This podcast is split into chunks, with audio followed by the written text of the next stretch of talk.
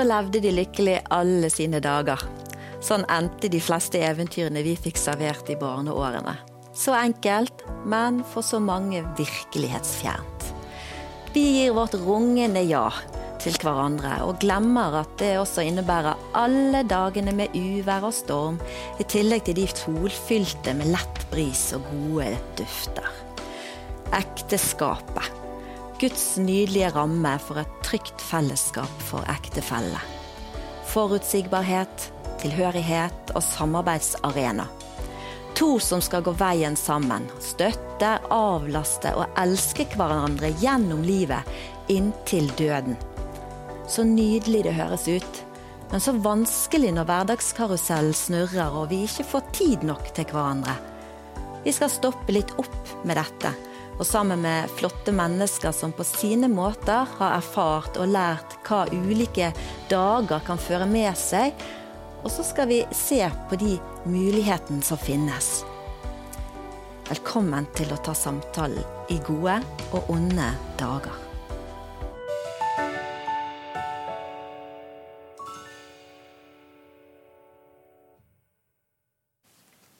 Ja, nå sitter jeg her med en nydelig dame som vi skal få bli mer kjent med. Velkommen! Ja, nå må du fortelle oss hvem du er. Jeg er Sissel Knardal Aslaksen. Jeg er 57 år, gift med Bjørn Aslaksen. Vi har to voksne barn, og vi bor i Grimstad. Ja, ja Vi kan jo nesten høre på dialekten. det, at jeg røper deg litt. Grann. Ja. Hva sysler du på med for tiden? Uh, ja, ved siden av at jeg jobber fullt som BPA, brukerstyrt personlig assistent, mm. så har vi jo nå begge eh, gamle foreldre uh, som krever sitt, og besøker de og, og hjelper de. Og så blir det en del reising. Det blir menighet og ja, det, det som hører med. med familie og Det er travelt. Mm. Det kan det veldig fort bli. Ja. Eh, vi har jo tema i, gode og onde dager og skal se litt nærmere på det å leve gjennom disse dagene. Mm. Eh, men da må jeg jo først spørre, hvor gammel var du når du eh, var en brud? 25 år. 25, ja. ja. Å, nydelig. Ja. ja. Og det er jo noen år siden. Og du har jo Når du som 25-åring eh, sa ja til Bjørn og skulle inngå en ekteskapspakt mm. Tenkte du noe på det der med hva du egentlig gikk inn i? Ja, altså jeg har alltid ønska å gifte meg. Jeg har alltid ønska familie, barn, hele pakka. Og, eh, så det var liksom Det var en drøm for meg. Eh, og det var, det var noe jeg tenkte Det, det, det var én gang. Ja. Så du hadde den eh, den, det utgangspunktet at dette var ja. en, et engangstilfelle. Ja, absolutt. Det var å finne den rette, og ha familie, få barn. Få det som Ja, det som Hele pakka. Det, mm. det så for meg som en drøm. Mm. Noe jeg helt fra jeg var liten eh, ønska. Så når jeg var 25 år og gifta meg, så, så syntes jeg jeg var veldig seint ute. Jeg var veldig redd for at, ikke, at jeg var gammel. Jeg hadde jo planer om å gifte meg tidlig. Og, ja. Så det var, det var, en drøm for meg. Mm. Ja. Nydelig. Eh, og så er det jo altså, Veien blir jo til mens en går, selvfølgelig. Mm. Og du hadde sikkert dine forventninger til mm. hvordan det skulle være å leve sammen ja. med drømmemannen i dette drømmeekteskapet. Ja. Eh, ble det sånn som du eh, hadde tenkt på forhånd? Nei.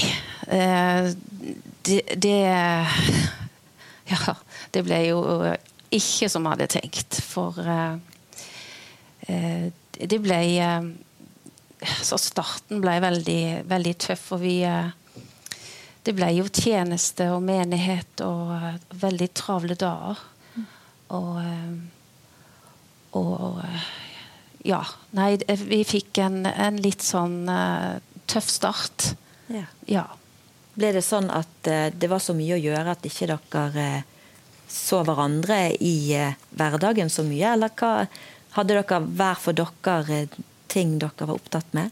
Nei. Eh, det, altså det, min rolle ble jo veldig fort uh, å, for Bjørn, Bjørn var jo den han var. Han hadde en tjeneste, og, og, eh, og min rolle ble liksom å, å, være kona til Bjørn. Eh, være med ja, være med på det som, som, som menigheten da hadde, hadde planlagt. Eh, og det som da er Som hadde med barn og være hjemme, familie, det, det opplevde ble Det ble ikke det som ble fokusert på. Mm. Akkurat. Ja. Det kom litt i neste rekke. Ja. ja. Eh, det er jo mange som sier det at eh, hvis det er en veldig aktiv eh, Altså et yrke eller noe en har utenfor hjemmet som mm. krever mye tid, mm. og da kommer hjem, mm. så får en den der litt utfordringen med at åh, nå endelig er jeg hjemme, nå skal jeg bare slappe av, nå skal jeg lade, og mm. for snart skal jeg ligge ut igjen. Mm. Og så er det da en hjemme som og endelig er du her! Ja. Nå skal vi ta tak i det. Nå skal, vi, nå skal jeg bli sett. Har du kjent på noe sånt? Altså, vi, vi, gjorde jo alt sammen. Altså, vi jobba jo begge to fulltid. Og, eh, og, og, menigheten krevde veldig mye av oss de første åra vi var gift. Vi var på møte hver dag. Hver dag.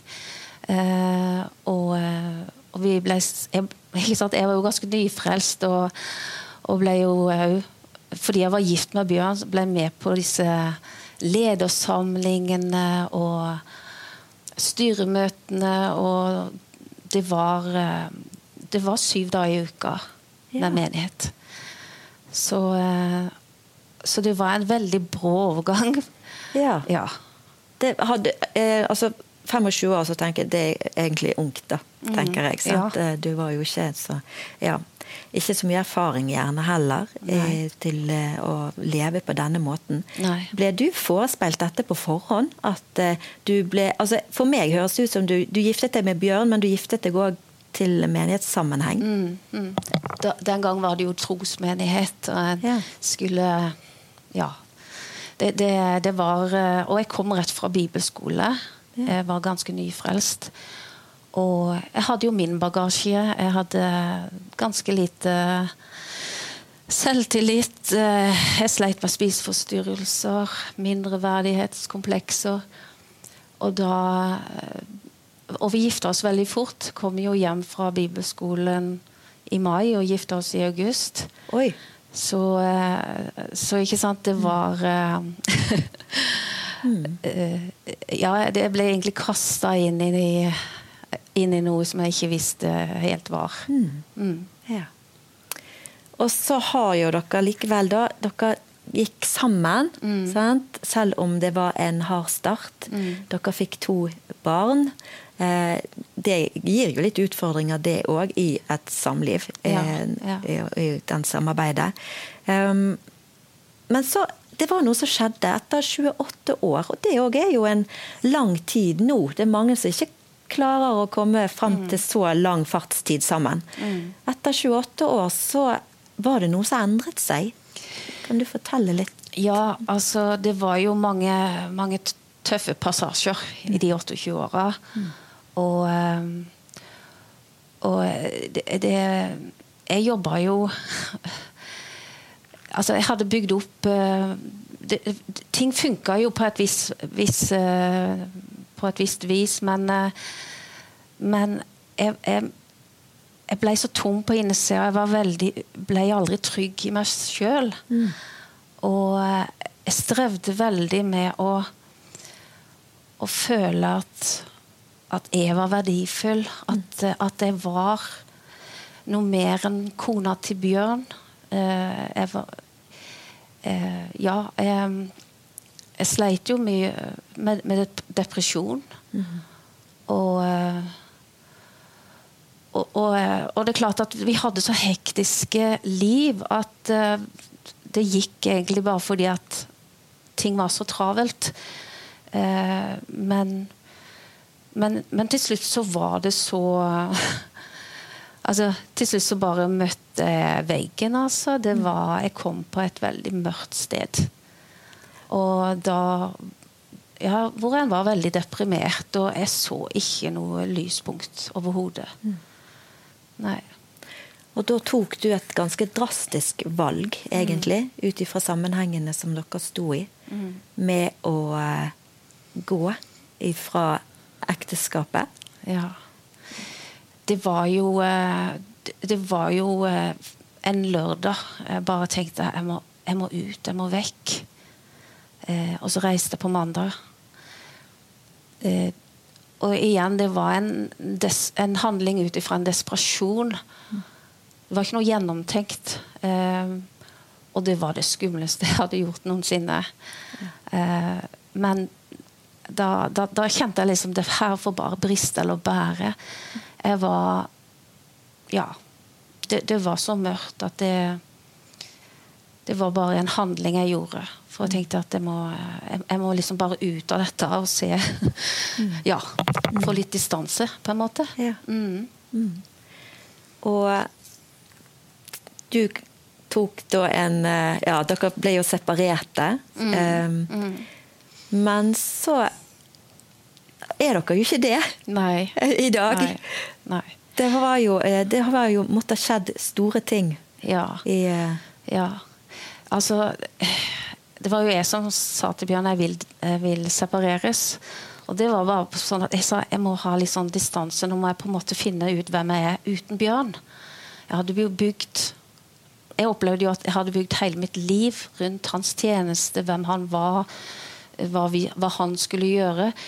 Eh, og det var vel det som skjedde når jeg kom, kom for meg sjøl. Så, så, så, Og jeg kasta meg jo på Gud. Det var jo det jeg gjorde. Og, og eh, jeg, jeg, søkte Gud, og jeg begynte å, å be og spørre Gud hva, hva vil du at jeg skal gjøre. Mm. Og Gud han, eh, han, eh, sa det at det du skal gjøre Du er skapt i Kristus Jesus til gode gjerninger, som jeg har lagt ferdig for at du skal vandre i det. Og, eh, og at jeg bare ble bygd opp på innsida, og, og jeg fikk en sånn Bare det å, kjenne liksom at Gud er med i krisa. Og, og ja. Og det der med, med at at ikke jeg har noe å bidra med. At ikke jeg i meg sjøl er verdifull. Disse tinga liksom fikk jeg gjennom bønn og hørte på taler. Eh, gikk i en smågruppe. Så jeg, jeg gjorde det rette. Eh, det er vel eneste skrytet jeg kan si. det At jeg kasta meg på Gud og, og, og fulgte meg med hva Gud sier mm. yeah. om hvem jeg er hvem Sissel er. Mm. Ja. ja. Og, og, så, så fikk jeg en ny identitet. Akkurat. Mm. Og så viktig å ha sin identitet formet av Gud, mm. som kjenner oss best av alle. Ja. ja. Fantastisk. Jeg er så glad for at du er her, Sissel. Jeg er så glad for at vi skal få lov til å snakke mer sammen. Uh, før vi eh, skal få inn de andre gjestene òg, så skal du få høre noen sannhetens ord fra Linda på Sanning samtalesenter. Hør her.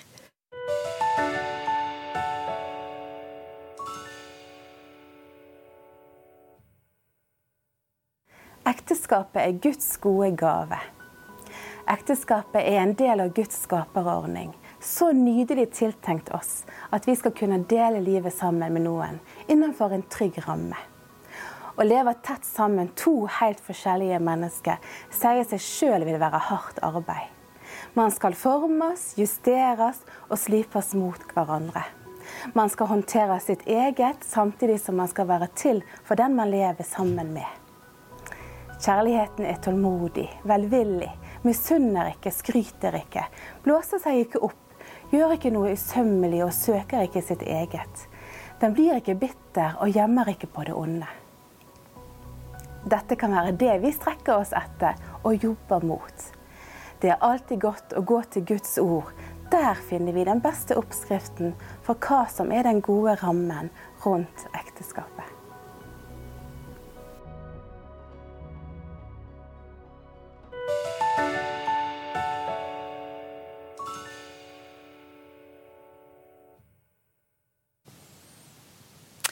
Ja, nå skal vi få bli bedre kjent med mannen til Sissel. Og så skal vi òg få hilse på en dame til. Kan ikke du først si hvem du er? Ja, jeg er Silje Pettersen. Mm. Jeg er sosionom og familieterapeut. Jeg jobber på Familiesenteret i Bergen. Et kristent familiesenter. jeg er gift med Vidar og har fire barn. To jenter som er 20 og 18, altså to gutter som er 15 og 10. Flott. Ja. Det er meg i et nøtteskall. Ja, så fint. Ja. Og velkommen til deg, Bjørn. Ja, du er nok kjent for veldig mange. Eh, og mange òg har fått innsyn litt i eh, Sissel og din sin fortelling. Mm. Hvordan kjennes det for deg Du har hørt Sisse fortelle om at hun hadde det ganske vanskelig og tungt før hun fant ut at hun måtte gå og få et time-out. Hva tenker du om det? Så du det komme? Jeg så jo at uh, Sissel ikke hadde det bra. Mm. Uh, men det var jo også min situasjon, så totalt sett så hadde vi det personlig Var vi på en dårlig plass, begge to. Ja. Uh, så jeg så at Sissel ikke hadde det godt. og jeg innså jo også at ikke vi hadde det bra sammen. Mm. men jeg visste ikke helt hva som skulle, hva som kunne gjøres. Hvordan vi kunne forandre, hvordan mm. situasjonen kunne endres. Mm. Men at jeg så det, det gjorde jeg. Ja. Mm. Og så ble det på en måte da eh, du som ble forlatt, hvis vi kan bruke det uttrykket. Eh, du var ikke du som tok initiativet. Eh, hva, hva, tenkte du da, når det da skjedde? Det var jo den 9. september 2019. Da kom jeg hjem til uh, Tomt hus. Og det var, det var nok den uh, mørkeste dagen i livet mitt. Så da var, det jo hele skyllebøtta av skam, fortvilelse, nød, sorg. Det var veldig vanskelig å se at livet kunne gå videre, rett og slett. Mm. Så, så, det var eh, Det var knalltøft. Og jeg var nesten ikke meg sjøl, tror jeg, iallfall i 14 dager fremover. Da var jeg Ja. Mm, var veldig opprørt og veldig sorgtung og veldig mørkt. Ja.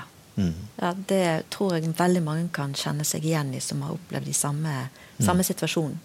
Samtidig som òg du beskriver at du tok det drastiske valget, men hadde det fryktelig vondt, og det var veldig vanskelig. Mm. Eh, så sikkert noen som kjenner seg mm. igjen i den. Sant? At det var en desperat handling. Mm. At noe måtte skje. Mm. Du, eh, som familieterapeut yeah. eller veileder mm. eh, Er det mange som kommer til dere med nettopp disse mørke, vanskelige situasjonene? Eller er det, mm. hva er det dere på en måte veileder og prøver å hjelpe i? Vi har, eh, iallfall til meg, så kommer det både ektepar mm. og enkeltpersoner. Og ektepar kommer gjerne når det er gått veldig langt. Gjerne har de vært gift i 20, kanskje 25 år, og så har det liksom gått seg skeivt hele veien. Og da kan det være et langt lerret å bleike. Fordi man på en måte kommer til det punktet at det, klarer vi å leve sammen? Er det håp for oss?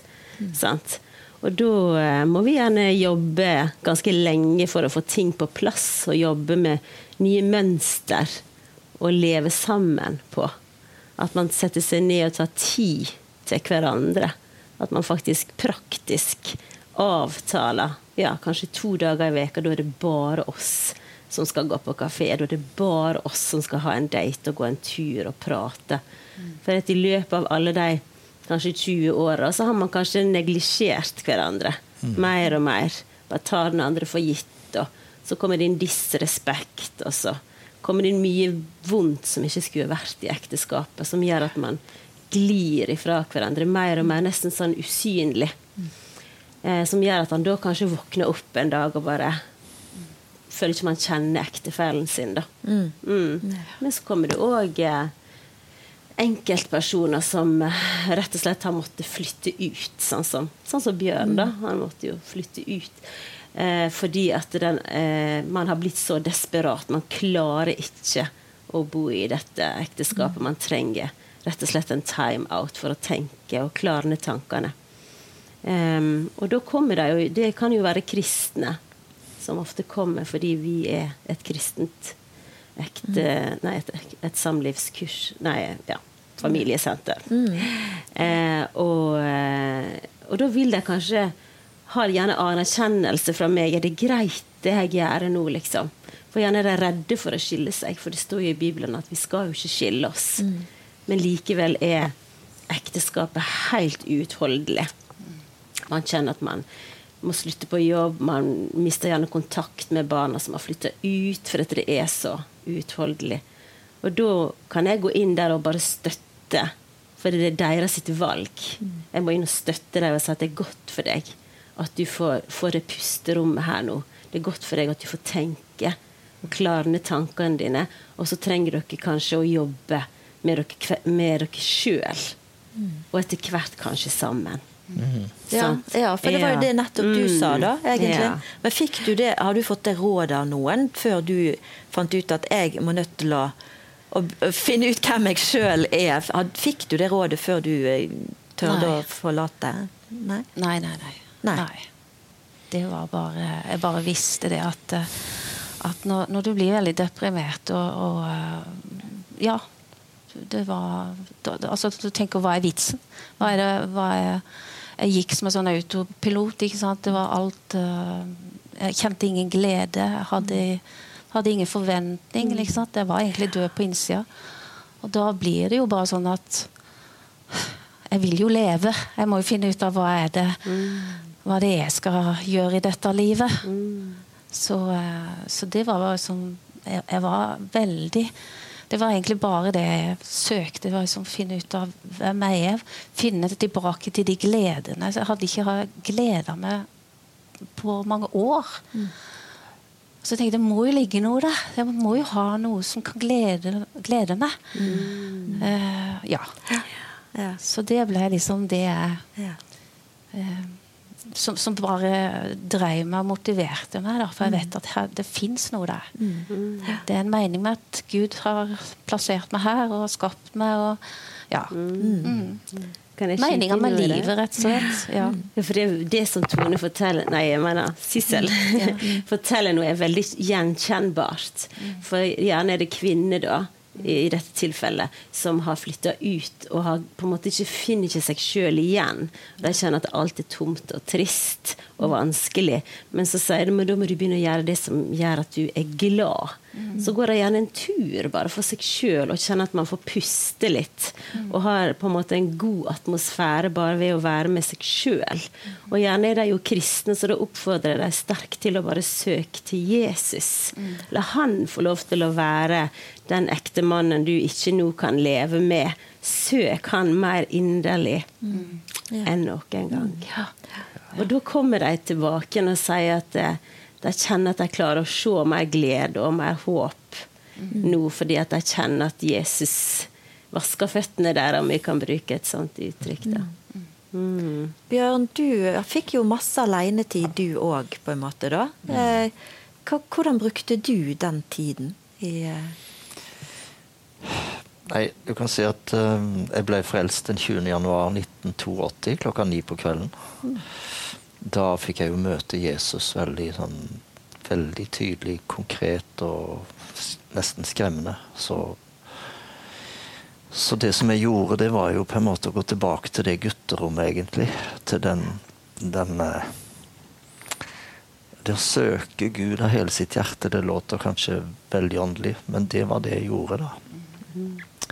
Uh, fordi at jeg visste at uh, jeg hadde ikke noen som Peter sier til Jesus, hvor skal vi gå?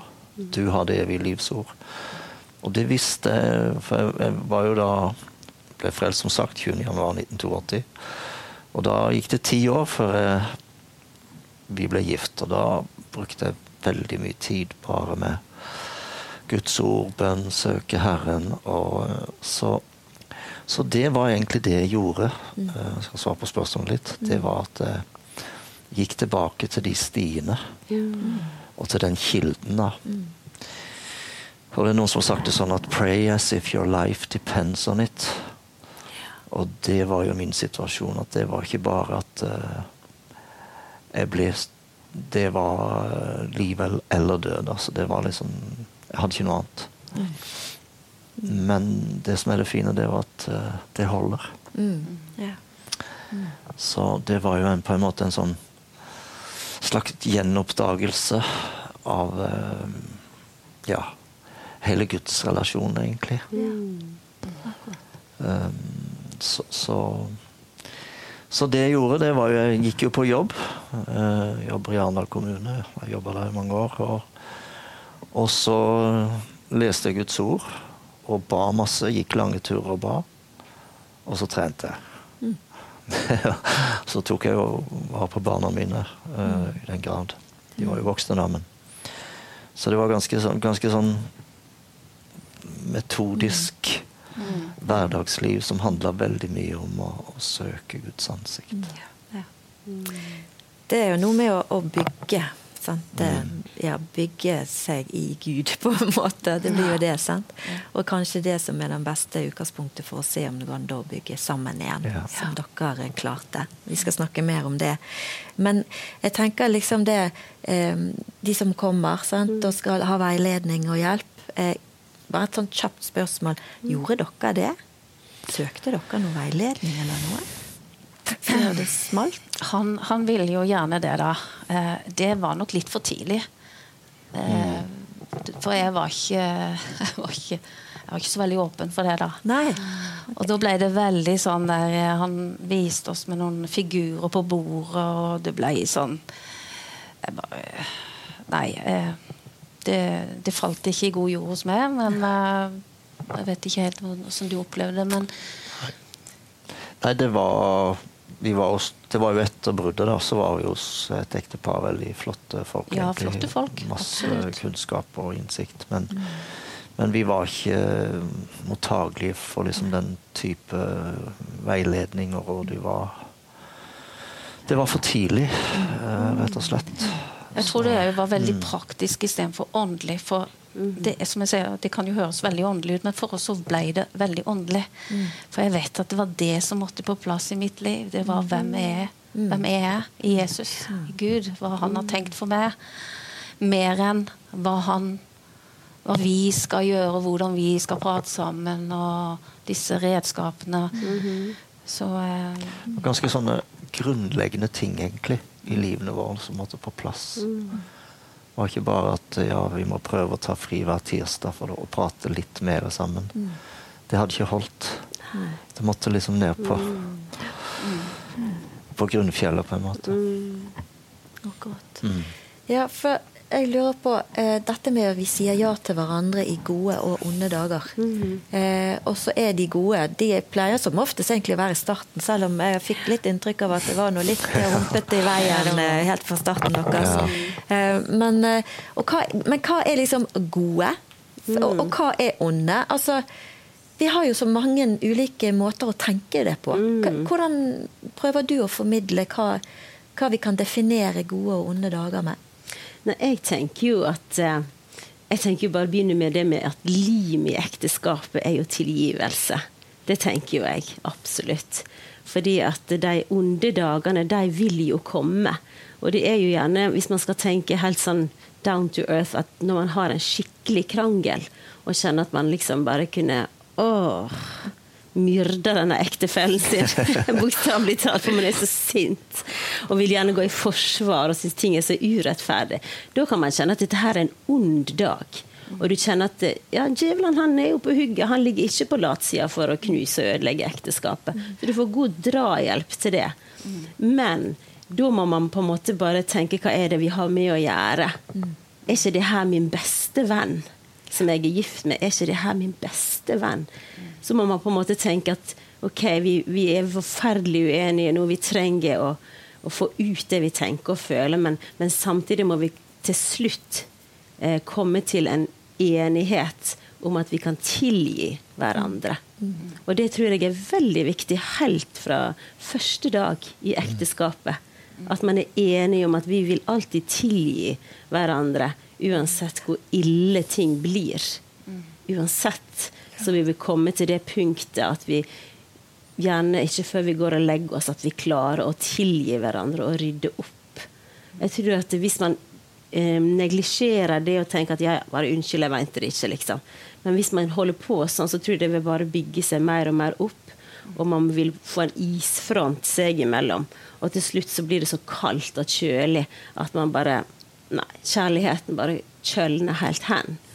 Så det å holde kjærligheten og tilgivelsen varm hele tida, det tror jeg er helt obligatorisk.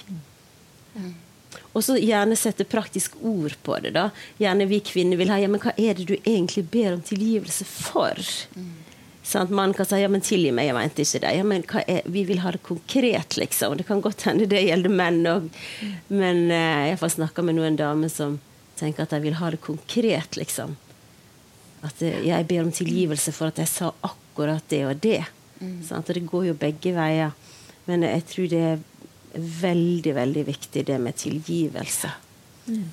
Man, for det kan komme onde dager, og man må velge hva vil utgangen være av de onde dagene. Mm. Um, jeg tror vi har veldig mye vi skal snakke mer om. Mm. Men uh, før uh, vi prater videre, så skal du få en liten reklame her. Og så er vi videre i hvordan vi kan få ta godt nok vare på hverandre og i de onde dagene. Se her.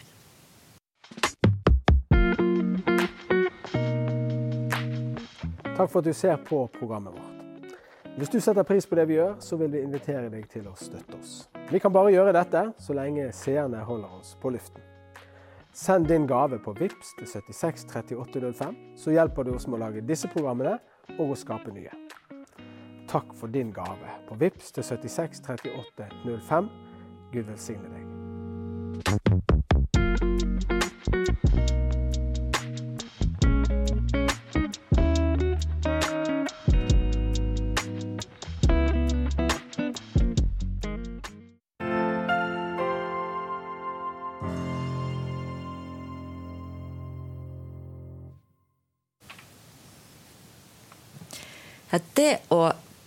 Det ja-et eh, for gode og onde dager eh, Det er ikke alle som våger å gjøre det. Eh, og vi kjenner mange, og det er ganske vanlig etter hvert, at en heller kompromisser og tenker at 'jeg tør ikke gi alt til deg, men jeg vil veldig ha deg', så vi blir samboere istedenfor. Uh, og det òg er det jo innenfor I kirkelandskapet vårt så er det jo flere som velger den løsningen. Tenker dere at det kan være en lettere løsning enn å gå inn i en ekte pakt? Jeg syns jo du på en måte legger opp til eh, det riktige svaret her, da. Ja, litt, ok, det var ikke meningen. ja, fordi at eh, det er jo nettopp det som jeg tenker i hvert fall om ekteskapet, og som Bibelen nå gir uh, tydelig undervisning om. At her handler det om å, å abdisere fra sin egen trone å bli ett med et annet menneske. Da er de ikke lenger to, men de er ett. og Det betyr egentlig å lime sammen. Mm. Så det er jo, en, det er jo egentlig en, på en måte en skapelsesakt som Gud gjør da, når vi gir hverandre disse løftene. Mm. Uh, så, så, det er klart at det er noe helt annet enn å på en måte teste ut en relasjon om vi eventuelt kunne bli sammen videre. Mm. Så, så, jeg tenker at uh, Og det er jo noe av det som vi har på en måte vi har gravd opp den brønnen igjen, da, for vår egen del. At uh, som disipler av Jesus, da, så, så, har vi liksom vi har, vi har, gitt hverandre det løftet at vi skal være tro. Og, og, og uh, det er ikke noen tanke på noe annet. Mm. Det er ikke noen bakdør den, den er lukka igjen. Og det skaper jo også trygghet. Det er, det, det er, en overgivelse som skaper trygghet, forutsigbarhet og, og vanvittig kjærlighet. men, men, jeg tenker jo det at uh, i veldig mange i de forholdene hvor de bare bor sammen, mm. så, uh, så, vet jeg jo at den ene parten vil veldig gjerne gifte seg. Mm. Og at det er, det, grunnen for at de lever sammen, er at den ene trenger mer tid, er litt usikker. Og ofte er de redde. De er litt redde for å ta det siste steget. Um, så, så det er liksom den kjærligheten den som ønsker å gifte seg, tenker at Altså, de har på en måte De vil jo gifte seg, men må være to med det. Så derfor tror jeg mange tar da kompromisser og går i en samboerskap fordi de egentlig De vil jo gifte seg. Det tror jeg. Ja. Jeg tenker jo òg liksom det med samboerskap er å ha døra på gløtt. Altså Hvis det blir, kommer onde dager, så kan jeg faktisk gå ut av den døra. Hvis at jeg syns det blir for fryktelig her inne. Men er den døra stengt, så, så er det på en måte Da må vi heller finne ut av? Disse her problemene. Fordi ekteskapet er en pakt. Sant? Det er en sånn en hellig pakt som du har gjort innenfor Gud og for deg sjøl og for den du har gifta deg med. Så det er på en måte noe mye mer um, Man tror at det, at det er et fangenskap, men det er en voldsom frihet i det å være gift når du har et godt ekteskap. Fordi at det gir trygge rammer både for ektefellene og for barna, ikke minst. Sant? At de vet at mamma og pappa har inngått en pakt. Og, og de kommer ikke til å skille seg. Og når jeg snakker om det med tilgivelse, så tenker jeg òg at eh, vi, vi, vil alltid krangle i ekteskap. Det vil alltid komme uenighet, og sånn, og så ber man hverandre om tilgivelse. Men så tenker jeg òg at, det, at det er viktig å gå til barna og be om tilgivelse, faktisk. Eh, for at vi har ødelagt deres sin fred med å krangle og være sinte på hverandre. For dette, det skaper en uro i deg. Hva er det som skjer her? Sant? Så derfor har jeg praktisert det i veldig mange år at jeg går, hvis det nå har vært barn da, i huset samtidig som vi har krangla, så har jeg gått til dem og forklart dem hva som har skjedd, og sagt at vi nå er mamma og pappa blitt venner igjen. Vi, vi har vært veldig uenige, men vi er venner. Sant? Og de skaper en trygghet i barna. At de vet ja, men da er det greit, liksom. Da skjønner jeg ikke hvorfor, hvorfor ber du meg om tilgivelse, liksom. Men, men jeg vet at det gjør noe bra i hjertet deres. da. Ja. Ja, og modellerer jo hvordan de kan Ja. eh, være overfor de vennene sine som de Ja. kan være, sant? Og det går an å forsones. Ja. Ja. Og jeg har aldri fått et 'nei, jeg tilgir deg ikke, mamma'. Det, det har jeg aldri fått, selvfølgelig. Mm. Det er jo en viktig del av vår historie, det med tilgivelse, da. Og eh, du kan kanskje si litt Ja. om det, men, eh, Ja. Men det er jo Og jeg tenker sånn eh, Altså, som et menneske så har du noen valg. Men som en disippel så har du ikke de valgene. Altså En disippel har Jesus sagt at den som ikke helhjertet tilgir sin bror, han blir kastet til strenge fangevoktere. ikke sant? Det er noe veldig tydelighet der at vi har ikke det valget å bære på utilgivelse. Og det er jo ikke fordi Gud eh, liksom vil oss noe vondt, det er jo fordi han vet åssen det funker. Og det har jo vært en sånn kjerneting for oss. Det merker jeg på Sissel òg, at eh, at For før så kunne det være sånn at hun kunne ta opp ting som skjedde for 15 år siden. Altså hendelser langt tilbake i tid som fortsatt liksom Hvorfor gjorde du sånn? Og så sier jeg men det er 15 år siden. Og så Normalt så vil man si det må vi jo bare glemme. Men hva er grunnen til at det her da bringes opp? Jo, da er det jo et sår der. Det er noe som kanskje er et mønster som har fortsatt. Man må liksom våge å se på hva er det her. Men, men det er så nydelig å kjenne det, det skjer ikke lenger. Altså, vi kjenner vi har ikke det valget å bære på utilgivelse. Og det er en sånn frihet. Og jeg husker bare sist forrige uke hadde vi eh, var et eller annet Jeg husker ikke det var engang. Liksom, før jeg skulle gå på jobb, så, så snur hun ansiktet mitt mot seg og så sier hun eh, vi må, vi må gjøre opp! ja, altså, altså var det så nydelig. Ja, jeg er Ja. streng på det. Ferdig. Vi må bare få gjort opp. Gjør det opp. Kort Ja. oppgjør hele tida. Og da, da blir det ikke Da kommer ikke får, Du danner ikke noe grobunn for noe som kan vokse. Nei, akkurat. Så det er så bifaller det du sier med tilgivelse, en kjerneverdi. Ja. Og det var helt avgjørende for at vi kunne bli sammen igjen. Fordi at eh, jeg hadde jo eh, altså jeg hadde jo en bønn da For jeg, jeg tenkte jo at nå skal jeg være alene resten. Eh, For for meg har det alltid vært én mann. Og når ikke det funka, så skal jeg være alene. Og så ba jeg denne bønnen skje din vilje, og, og du vil det beste for meg. Og så hører jeg at Gud sier det, at ja, men det beste for deg er at du blir sammen med Bjørn igjen. Og det var jo tre-fire måneder før vi ble sammen igjen. Så Det var gått nesten to år. da visste jeg det. Jeg visste det.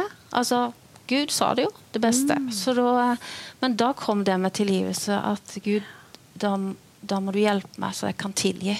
At ikke disse vonde tinga kommer opp. Ehm, og da sa, fikk jeg jo det her med Lukas 17 at, at eh, Og der snakker jo Jesus om tilgivelse.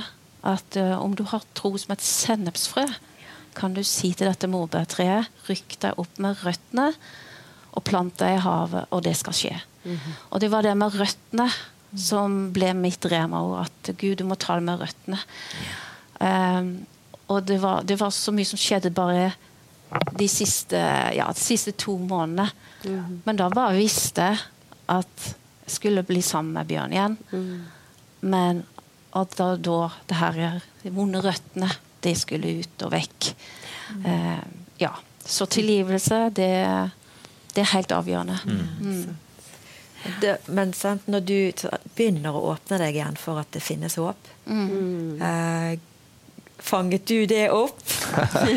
Hvordan fanget du det opp? Jeg var jo eh, jeg var jo så klar for å bli sammen med den jenta igjen. Så, og, og jeg har jo jeg har skrevet 25 sider med alt som skjedde i disse 28 månedene. For det var et eneste stor mirakelvandring. Første ordet jeg fikk, som jeg bare vet at jeg vet at jeg vet at Gud sa. Jeg vet hvilke tanker jeg har for dere. Fredstanker, ikke tanker til ulykke. Jeg vil gi dere fremtid og håp. Jeg visste Gud sa det. Eh, Og eh, Så du kan si at eh, når da den tida nærma seg at vi skulle bli sammen igjen, så, så, så var det liksom et skifte i kommunikasjonen. For hun sa jo at hun på en måte ikke ville ha noen direkte kommunikasjon hvis det ikke det gjaldt barna. da.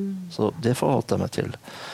Men da det siste halve året så merka jeg at Gud sa nå skal du gjøre Nå skal du nærme deg. Så jeg husker jeg sendte første gang så sendte jeg en melding eh, Skal vi spise lunsj sammen? Jeg hadde jo 135 i puls. Jeg var så redd for å bli avvist. Så, eh, men det var først på slutten da, at, at vi kjente da, det, da hadde vi begynt å få kontakt igjen. Og, eh, nå prater jeg mye, men jeg må bare si at eh, det som, som brakte oss sammen, da, det var jo rett og slett vår begeistring vår på en måte gjenoppdagelse av Jesus.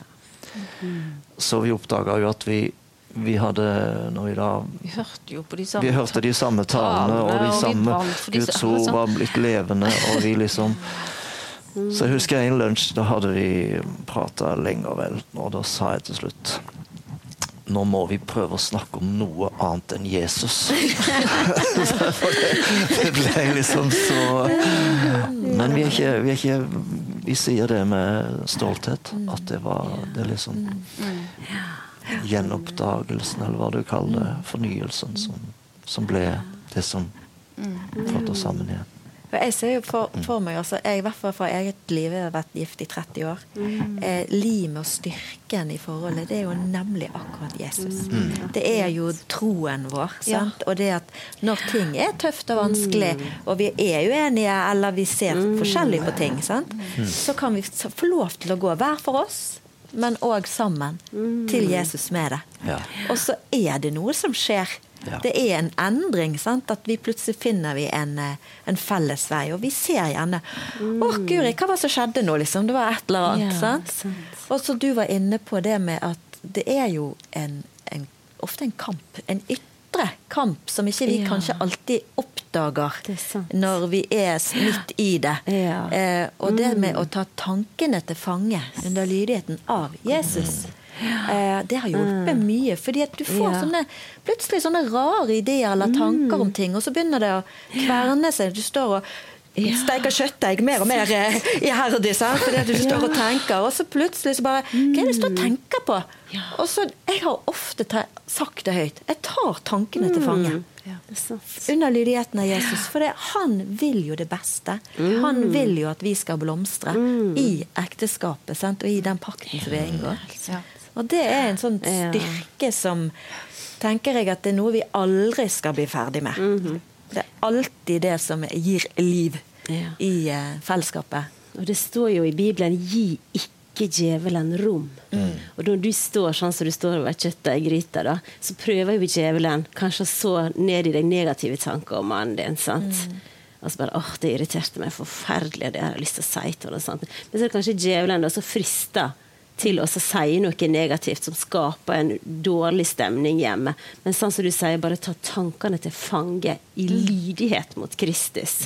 Selvfølgelig, det, man skal snakke om ting, men man, det er ikke alt man trenger å si. Og så har jeg litt lyst til, Tone, hvis vi har tid til det, å gå inn på det med tilgivelse og tillit. Sant? At det, det ikke nødvendigvis er det samme. Sant? For mange tenker at jeg har ikke, har ikke tilgitt, for jeg har ikke tillit til den personen. Sant? Det kan være, det trenger ikke bare være i ekteskapet, det kan være til ledere, det kan være til venner, hvis de har trampa veldig over eh, og ødelagt tilliten. For det er et sånt ordtak som heter at man, tillit rives i meter, men det bygges i millimeter. Sånn at man trenger kanskje lang tid til å bygge opp igjen tilliten til et menneske som har såra deg Ja. fryktelig. Sant? Og um, jeg vet ikke om jeg kan illustrere det bare med Vi sånn har to minutter igjen Ja. før andakten. Så ja. Nei, jeg har bare et sånt bilde som jeg pleier når det er alvorlige utroskapssaker da, som kommer til meg. Så kan dere se for dere et varmt badekar der de sitter og koser seg. Og så drikker de gjerne champagne i glass, og det bobler, og det de koser seg skikkelig. Og så eh, begynner dama da kanskje kjenne Blir ikke litt kaldt i, i badekaret her? Og man bare Nei da, det er kjempedeilig. Bare kos deg, du. Her har vi det så deilig. Og så begynner kona å kjenne Jo, men det er jo faktisk litt kaldt der. Og så bare åh, plutselig så drar mannen ut proppen og går ut, og der sitter hun igjen. Og er iskald og fryser og forfrossen og er kald og forlatt. Og da har mannen vært utro. Det, det blir jo fortalt seinere. Men hun sitter igjen helt alene, ødelagt og ensom, og tenker på ei knust framtid. Og da må den mannen, hvis de da kommer til meg og vil ha hjelp, så er det den mannen som må fylle opp igjen badekaret. Først må han sette i propper og fylle det badekaret opp med teskje. Sånn er det å bygge tillit millimeter for millimeter. Og tenker Den tilliten er jo ikke det bare ha, hvis det er barn involvert her, som vi var inne på. Helt på tampen, det er ett minutt før vi skal få en, en andakt. Mm. Dere hadde to barn som sto på sidelinjen og fulgte med. Hva sier de i dag? Nei, de, jeg tror de gleder seg veldig. Ja. Og vi har jo alltid alltid hatt et godt forhold til barna. De har hatt et godt forhold til oss. Selv i den separasjonen så opplevde jeg at vi, eh, vi var veldig nære, alle fire. Eh, Vi snakka ikke noe stygt om hverandre til barna. Så, eh, så de bare Jeg tror de gleder seg. Ja. Markus han sa det Ingen- til meg at det som har skjedd med dere, han, det er jo ikke normalt. Det er ikke normalt. Nei, men det er fint. Ja. Fint vitnesbyrd.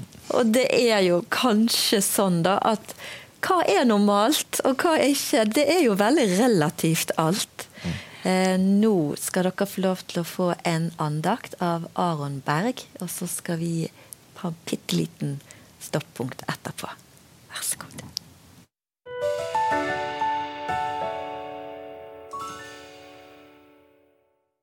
I livet så opplever vi både gode og mindre gode dager. Jeg tror at alle som har levd noen år, vet at livet det er ikke alltid kun en dans på roser. Spørsmålet er ikke om vi kommer til å møte på utfordringen, men når vi kommer til å møte på dem. For utfordringene, de kommer. Salme 139 vers 7-8 sier det at Hvor skal jeg gå fra din ånd, og hvor skal jeg flykte fra ditt åsyn? Far jeg opp til himmelen, så er du der. Og vil jeg rede mitt leie dødsrike, se, da er du der. For et par år siden så hadde min kone og jeg nettopp flyttet til København i Danmark. I København så er det vanskelig å finne et sted å bo, så vi måtte bo på ulike Airbnbs, på hostell og i fremmede sine leiligheter. Og Jeg husker at ikke vi hadde noen inntekt, visste ikke helt hvorfor vi i det hele tatt var i denne byen, og lurte egentlig bare på hva gjør vi her. Og Midt oppi denne noe kaotiske situasjonen, så ble situasjonen enda mer kaotisk. Sharon, min fantastiske kone, fant ut og delte nyheten om at vi var blitt gravide. Og timingen, den kunne ikke ha vært verre. Jeg husker fortsatt hvordan vi satt på toget. Jeg satt med en bandasjert fot etter å ha skadet meg. Og foran meg så satt Sharon, og hun både lo og gråt, i glede, men også i redsel. Hvordan skulle vi kunne ta imot dette barnet midt i kaoset vårt? Og de neste månedene, de ble tøffe. Kanskje de tøffeste i vårt ekteskap. Og livet, det var som en eneste stor tåke. Det var vanskelig å se, og det var vanskelig å navigere. Samfunnet i dag, det oppmuntrer oss til å stole på helt andre ting enn Gud. Det oppmuntrer oss til å stole på ting som karrieren vår, på forsikringene våre, på inntekten og utdanningen vår. Eller kanskje på helsevesenet vårt. Og det er ikke noe galt med disse tingene i seg selv, men problemet med å sette sin lit til de, er at de raskt kan bli revet bort. Gud ønsker derimot at vi skal sette vår lit til ham, for det er kun Gud som står fast til evig tid. Jesaja 26, 3-4 sier at den som har et grunnfestet sinn, ham lar du alltid ha fred. For til deg setter han sin lit. Sett deres lit til Herren til alle tider for i Herren har vi en evig klippe. Ordet fred i dette verset kommer fra ordet shalom. Shalom det er Guds perfekte fred. Det betyr helhet, trygghet, fylde, en opplevelse av å være komplett. Når forfatterne i Bibelen beskriver det å ha shalom med Gud, fred med Gud, så beskriver de det å ha et helt uavbrutt forhold til Gud. Dette verset lover oss altså at når vi velger å sette vår lit til Gud, ha vårt sinn rettet mot ham i enhver situasjon, så skal vi få oppleve shalom, Guds fred. Guds fred det er altså ikke fraværet av utfordringer, men Guds nærvær midt i de situasjonene vi står i. Det halvåret det var tøft for Sharon og meg, men når vi ser oss tilbake, så ser vi at Gud var med oss hele veien. Midt i tåken så viste han vei og ledet oss til å ta riktige avgjørelser for vår familie. Og om du sitter og ser på deg hjemme nå, og du befinner deg midt i en av livets stormer, så vil jeg oppmuntre deg. Sett din lit til Gud. For han er den som står fast til evig tid.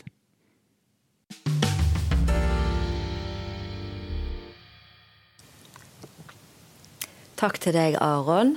Um, og helt på tampen Du kraft, tok en kraftig kule inn her på slutten. Det å sitte og opplevd at uh, den du elsker, er utro. Mm -hmm. Ja, sant. Og det er jo den, egentlig en av de eneste grunnene til at Bibelen gir tillatelse til skilsmisse. Så da har jo på en måte den sin fulle rett til å gå, for det er et så ultimat svik.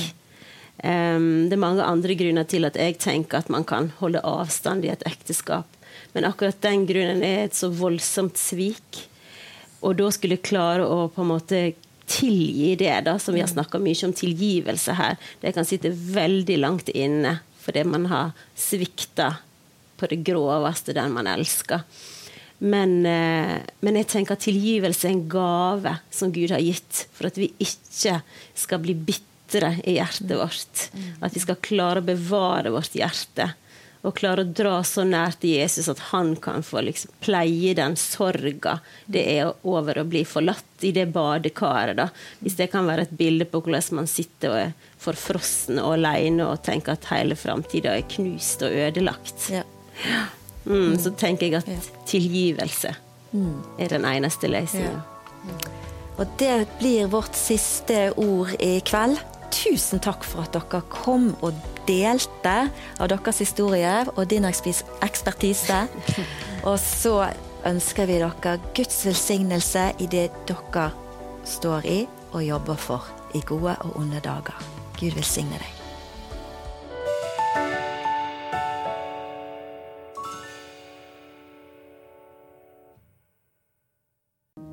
Noen ganger handler samtalen om ting som kommer nært inn på livet og berører deg.